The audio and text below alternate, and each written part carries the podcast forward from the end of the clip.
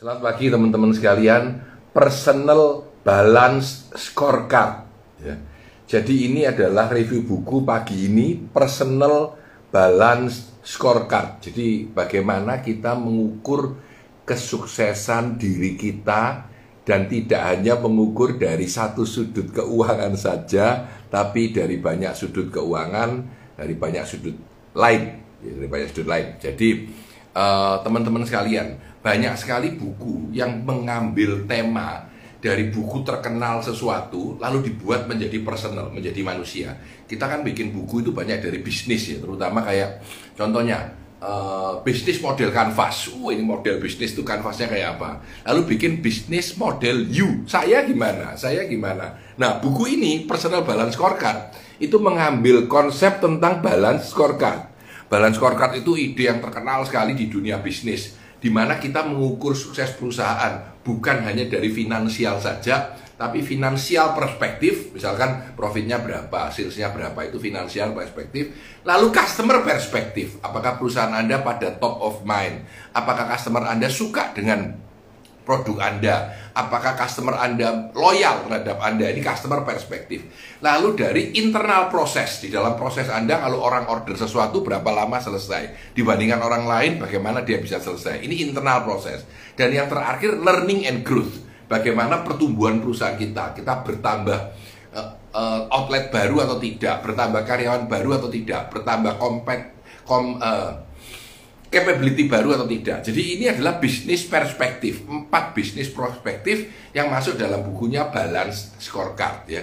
Nah, buku ini merubahnya menjadi personal balance scorecard. Secara person gimana? Nah, dia punya kacamata yang sedikit uh, mirip dengan balance scorecard tetapi agak dibalik strukturnya. Jadi kalau di dalam balance scorecard itu fokusnya adalah pada yang pertama adalah keuangan dulu, profit and loss dulu ya lalu customer punya perspektif, lalu internal proses, lalu learning and growth. Nah, ini dibalik. Kalau personal dia mulai dengan internal perspektif dulu, ya. Lalu eksternal perspektif, lalu knowledge and learning perspektif, learning and growth, baru yang terakhir financial perspektif. Jadi financial perspektif dilihat sebagai hasil akhir dari uh, personal balance scorecard dimulai dengan internal perspektif dulu. Jadi internal perspektif ini uh, kalau di balance scorecardnya corporate kan yang ketiga. Dia yang pertama internal perspektif dulu, baru eksternal perspektif. Apa yang disebut dengan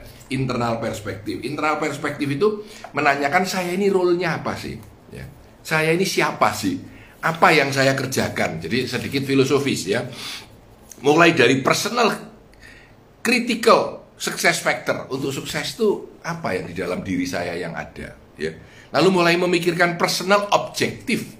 Apa yang harus saya kejar? Lalu personal performance measure. Ukurannya apa kalau saya sukses itu ya? Lalu personal target. Apa yang harus saya capai ya? Lalu personal improvement and action. Personal improvement and action. Jadi selalu seperti itu ya? Jadi uh, saya ambil salah satu contoh aja ya. Menghadapi pekerjaan ya personal objektifnya adalah happy at work. Personal performance measure-nya adalah uh, berapa sering saya ketawa. Lucu ini ya. Ya, level of laughing at work. Kalau diketawa itu apa enggak? Personal target adalah paling tidak saya ketawa dua kali lebih sering daripada sebelumnya gitu ya. Lalu apa yang harus saya lakukan? Oh, mulai belajar melihat kehidupan dengan kacamata yang lebih baik, lebih lebih banyak menghargai teman-teman. Jadi itu contoh bagaimana personal eh, salah satu contoh internal ya. Lalu kalau kita bicara ini banyak internalnya ada banyak. Contoh lagi adalah eksternal. Kalau eksternal gimana ya? Bagaimana saya berhubungan dengan uh, kolega saya di dalam kerja ya, my my uh, hubungan dengan kolega atau dengan customer saya ya. Lalu personal objektifnya apa? Customer lebih trust sama saya. Ya. Personal performance measure ya apa? Oh, customer saya lebih mau beli barang lebih banyak dari saya, misalkan ya. Personal targetnya paling tidak purchasingnya customer ini dua kali lipat di tahun ini dibandingkan tahun lalu, gitu ya. Mungkin customer itu beli dari beberapa vendor, kita salah satu vendornya, dua kali ordernya lebih banyak kepada kita. Lalu improvementnya gimana? Oh, saya sering ngejak ngobrol dia, kadang ngejak lunch, uh, diskusi tentang kehidupannya dia. Ini ini eksternal sukses factornya ya. Lalu yang ketiga, yang ketiga dia bilang setelah eksternal cukup panjang eksternalnya ada 10 contoh lebih lalu setelah eksternal kita memberikan contoh tentang knowledge and learning skill. Ya, knowledge and learning skill. Bagaimana kompetensi saya akan naik. Ya apa yang diukur saya sebagai konsultan punya ilmu yang lebih. Ya Lalu apa yang diukur? Yaitu seringnya saya mendapatkan uh, klien konsultan dan seringnya saya belajar konsultasi atau belajar coaching. Misalkan, misalkan belajar coaching.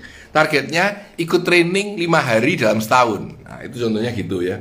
Personal improvement actionnya yaitu saya ikut training, saya latihan, saya ikut organisasi yang lebih uh, organisasi organisasi sosial ya. Nah, yang terakhir baru bicara tentang finansial perspektif yaitu kacamata finansial, kacamata finansial. Nah, kalau finansial ini uh, cukup umum ya. Jadi financial security merasa aman dengan keuangan sekarang atau tidak ya.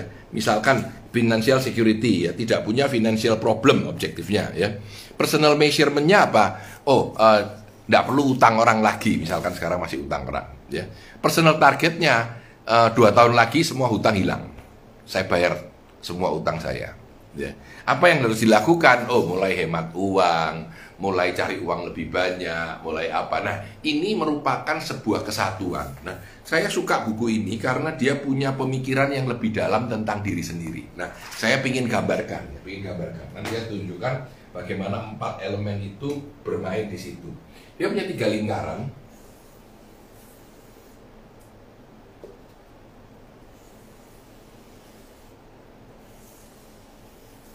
Nah, tiga lingkaran ya. Lingkaran yang pertama ini adalah personal ambition, ambisi personal. Lucu ini.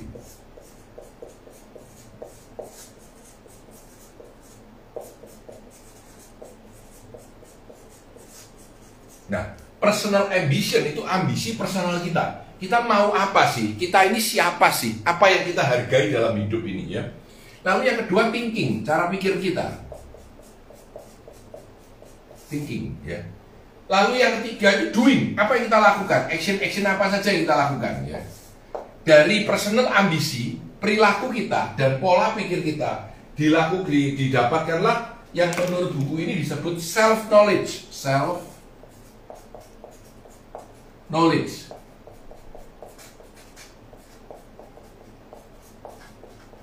Self knowledge. Nah, yang menarik buku ini menggambarkan bahwa sebenarnya apa namanya personal balance scorecard saya ulangi personal balance scorecard saya buatkan supaya lebih pas. Itu melingkari.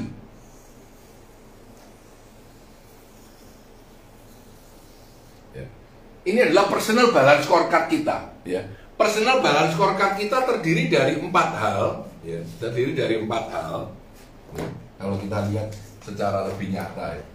Dia bilang ada internal internal perspektif ya, internal perspektif ya, internal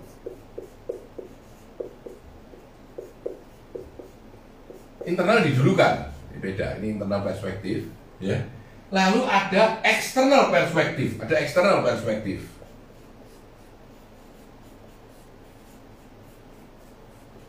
Ya. Lalu ada apa lagi? Lalu ada knowledge and learning perspektif. Ini knowledge and learning, knowledge and learning ya, learning, knowledge and learning. Lalu ada finansial.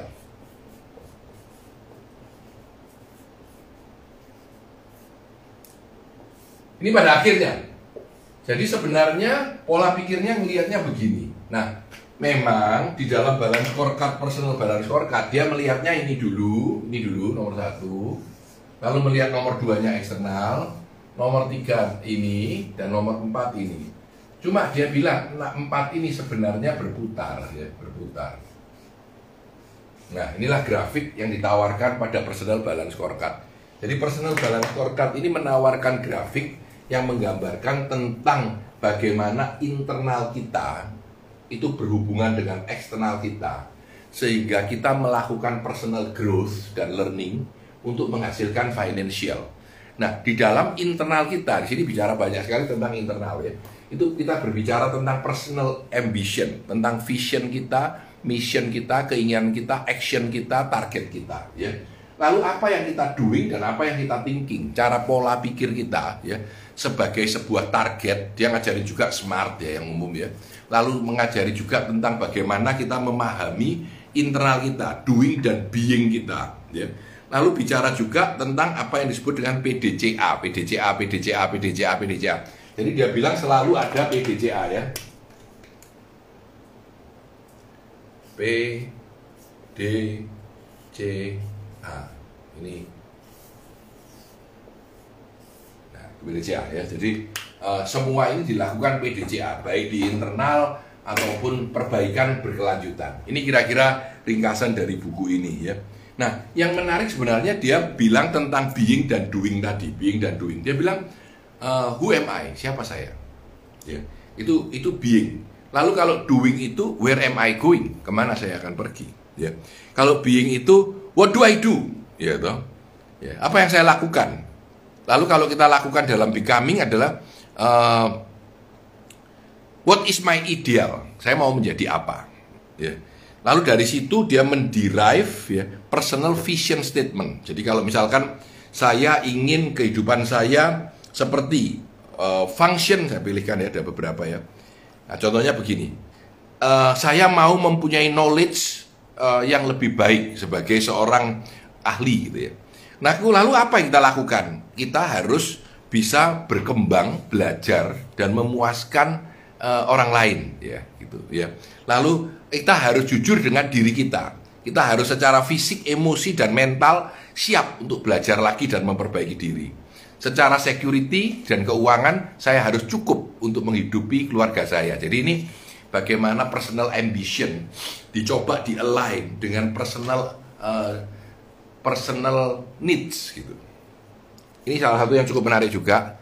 Dia bicara tentang bagaimana sih personal mission, uh, vision dan key role itu personal critical success factor. Jadi apa yang menjadi kritis untuk mencapai sukses Anda. Jadi disebut personal critical success factor. Jadi apa aja yang bisa penting buat saya. Jadi mungkin kalau saya punya target itu menjadi manusia yang lebih happy ya level of engagement saya, happiness saya, laughter, tertawa saya. Tapi kalau misalkan fisik kesehatan, berapa sering saya sport, bagaimana saya uh, jalan pagi atau lari pagi. Jadi intinya sebenarnya buku ini personal development juga ya.